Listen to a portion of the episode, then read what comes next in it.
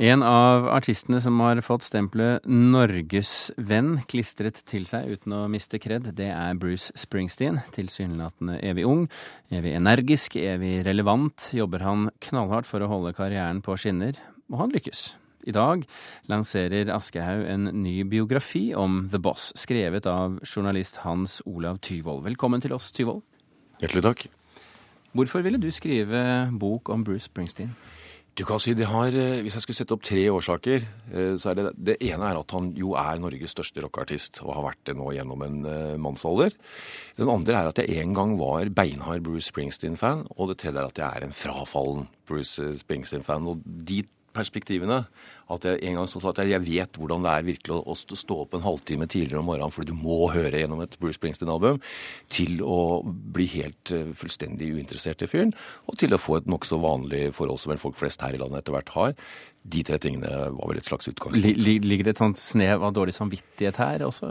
Nei, men det, det, men det som var interessant Av en gammel kjærlighet? Ja, ja litt, litt, sånn. For det, det, jeg lurte på altså, Jeg begynte å like Beatles da jeg var fem år gammel. Og det har jeg aldri holdt opp med så mye som et kvarter.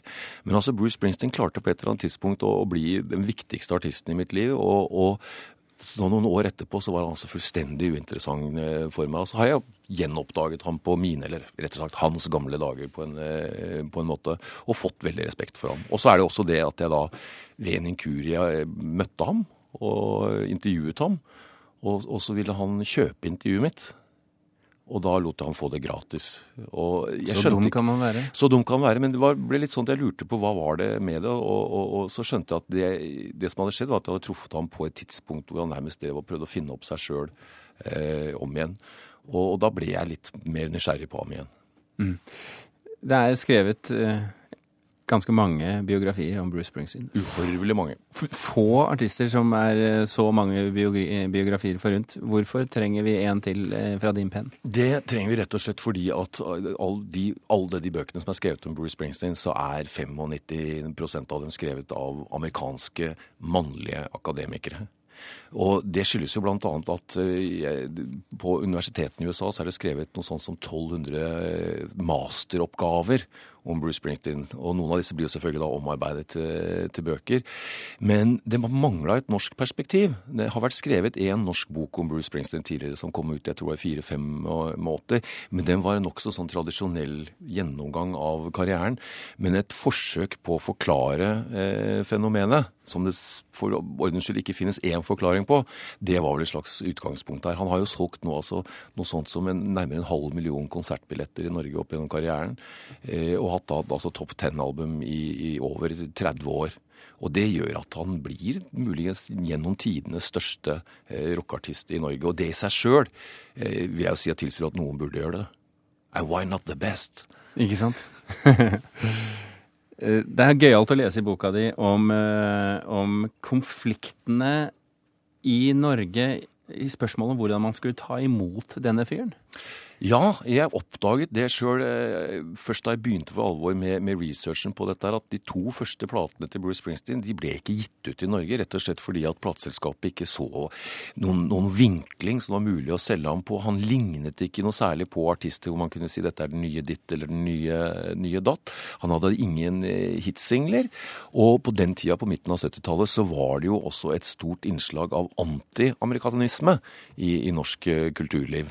For å si det det sånn, Den gang gikk jo norsk ungdom i, i, i tog mot eh, Vietnamkrigen, amerikanernes krigføring. Nå går norsk ungdom i kø til amerikanernes krig, eh, krigføring. Så jeg ble litt nysgjerrig på hele det spennet der. Hvordan hadde det seg at denne fyren Eller for å si det sånn, hvordan, hvordan havna norske gutter i Afghanistan sammen med amerikanerne? Det var en del av det, av det som, eh, som, ble et interessant for å prøve å finne ut. Og det, det som slår meg etter å ha jobba med denne boken, det er at i Norge så Vi elsker Barack Obama. Vi elsker Bruce Springsteen. Vi elsker den venstrevridde amerikaneren. Og det er de amerikanerne som på mange måter gir USA kred i Norge. Og samtidig så velger vi altså da å bli med George Bush og president Cheney på, på eventyr i, i, Midtøsten. Springsteen er jo ingen Han er jo elsket i USA også, øh, åpenbart. Men han er da sannelig også hatet? Han er en veldig kontroversiell figur på høyresida i USA, og lenger ut på høyre du kommer, og særlig blant uh, fattigfolk, de som, uh, som, egentlig burde være hans publikum, som har samme klassebakgrunn som han, han sjøl kommer fra, så er det mange som virkelig ser på ham som en av de verste. Jeg tror at hvis du skulle ranke de fem mest forhatte demokratene i, i USA, så vil du ha så Barack Obama, ekteparet Clinton, Nancy Pelosi og Bruce Springsteen. Så han er helt der oppe. Men hva er det som gjør at nordmenn har trykket ham så til hjertet? Det er noe av det jeg prøver å utforske med den boka. Jeg tror det er en kombinasjon av, av, av flere ting. Jeg, jeg, siterer Steve Van Sant, Springsteens gitarist på dette her eh, i boka, med at han sier at all rock som er kommet etter 1971, er i grunnen ikke noe nytt. Eh, konteksten er borte, og det er ikke noe opprør i den lenger. Og Bruce Springsteen er på mange måter den, den kjekke rockestjernen på den måten at ikke driver han med narkotika, eh, ikke har han vært involvert i noen skandaler. Han er notorisk eh, kjent for å gi valuta for pengene så det suser på konsertene sine. Spiller i tre-fire timer til en lavere billettpris enn det selv enkelte norske, norske band gjør. Og selvfølgelig, i bunn og grunn handler det om at han lager god musikk med, med gode tekster. Men for å bli big in Norway, så, så, skader det ikke at du har på deg samme skjorta som Håkon Lie gikk med, og du, du, du, ser ut som en vanlig, anstendig mann uten for mye juveler i trynet. Fant du noe svar i Halden?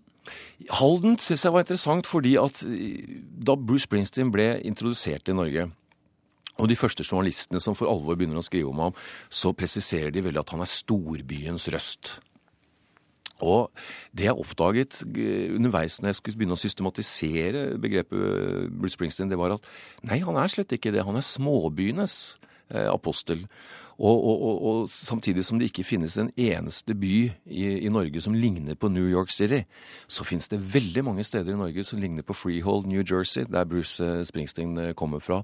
Og Halden blir i min bok til litt et symbol for dette her, også fordi at Halden hadde et ganske spesielt eh, rockemiljø på, på, på 70-tallet. Både med Amcar-folk som hadde sine greier, og, det, og Henning Kvitnes, hele dette miljøet som den gang ble sett på som punkere og så har Halden også dette her ved seg, som er et sånt evig tema. Ikke evig tema, et veldig tilbakevendende tema hos Springsteen, som er dette her med en litt sånn fordums storhet. Altså når du står i Storgata i, i Halden i dag, så ser du forretning etter forretning som blir lagt ned. Nå skyldes ikke det som i USA og i Bruce Springsteens sanger at, at økonomien går så dårlig. Tvert imot, det skyldes at det er kommet store kjøpesentre, og du har selvfølgelig Svinesund og alt det der. Men det er en, sånn, det er en resonans mellom Halden og New men, Jersey. Men økonomien har flytta et annet sted? Rett og slett. Rett og slett. Du nevnte det så vidt. Du har møtt ham. og hadde tre kvarter, eller eh, hva jeg har regnet meg frem til, 44 eh, minutter med ham. Eh, hvordan var han? Da, jeg fikk oppleve ham to ganger, og første gangen var som journalist. Og det var jo veldig trygt, for da har man med seg sin mikrofon og sin båndopptaker, og så har man en jobb å gjøre. Eh, andre gangen var litt rarere, for da var det han som hadde bedt om å møte meg. Og da hadde jeg liksom ikke annet enn en boks øl i hånda og lurte veldig på hva, hva, hva han ville. Og det som slo meg, var at dette er en fyr som er evig, evig opptatt av, av, av, av, å uttrykke seg. Da han var ung, så holdt han seg med kjærester rett og slett for han var så dårlig på å kommunisere og fryktelig sjenert. Og hvis du hører på gamle intervjuer av ham, så hører du en mann som hele tiden famler etter ordene på den måten at han er liksom ute etter den setningen som rommer alt. Og så er han samtidig fryktelig redd for å, bli, for å bli misforstått. Men fordi jeg da er en ganske lat journalist, så stilte jeg til det intervjuet med bare et eneste spørsmål. Så bare satte jeg på play, eller rekk og play, heldigvis, ikke bare play, og så lot jeg mannen bare prate. Og ettersom dette var rett etter han kom fra scenen, så var han på tydeligvis på en eller annen måte, måte varm. Og, og, fikk prate seg ordentlig tom på, på de 44 minuttene. Og, og, tok da kontakt med etterpå for å kjøpe intervjuet. Det ble litt døvt, fordi det liksom besto av bare hva han selv eh, hadde sagt. Men jeg oppfatta han og det var derfor jeg liksom fikk en ny interesse for ham på en måte, som en fyr som var ekstremt opptatt av gjennomslag, av å nå gjennom med det han, eh, han sier, av å bli forstått, rett og slett. Eh, vi har gitt deg det, mm, og det vet du ikke ennå, men du får vite det nå, den ære å plukke låta vi skal slutte med. Oi! Da vil jeg ta en låt som ikke er blant hans mest kjente, men som rommer veldig mange av de flotteste kvalitetene hans, syns jeg. Og Det er fra albumet som heter Magic, som kom i 2007, hvis jeg husker helt feil. Det er en låt som heter Gypsy Biker. Og den skildrer hjemkomsten til en soldat som kommer død hjem fra Irak. I, og dette er et portrett og det er Springsteen på sitt beste i det å portrettere de klassene i USA som rammes av krigføringen på, på, på hjemmebane. Det er en såpass materiell fattigdom i teksten her at den begynner med at de, de selger klærne til denne soldaten. På, de går på, altså på for, for, å skaffe litt penger. Og så gjennomfører de en begravelse hvor de brenner motorsykkelen hans. Altså ute i ørkenen. Men det som er verdt å merke seg, at den handler ikke om krigen ute. For det Springsteen synger om, det er hvordan denne småbyen blir revet i to av den krigen. Det er noen som marsjerer for, og så er det noen som marsjerer mot. Og de kan ikke snakke sammen i det hele tatt. Og ja, nyt den. Hans uh, Olav Tyvold, tusen hjertelig takk for at du kom til Kulturnytt. Takk for meg.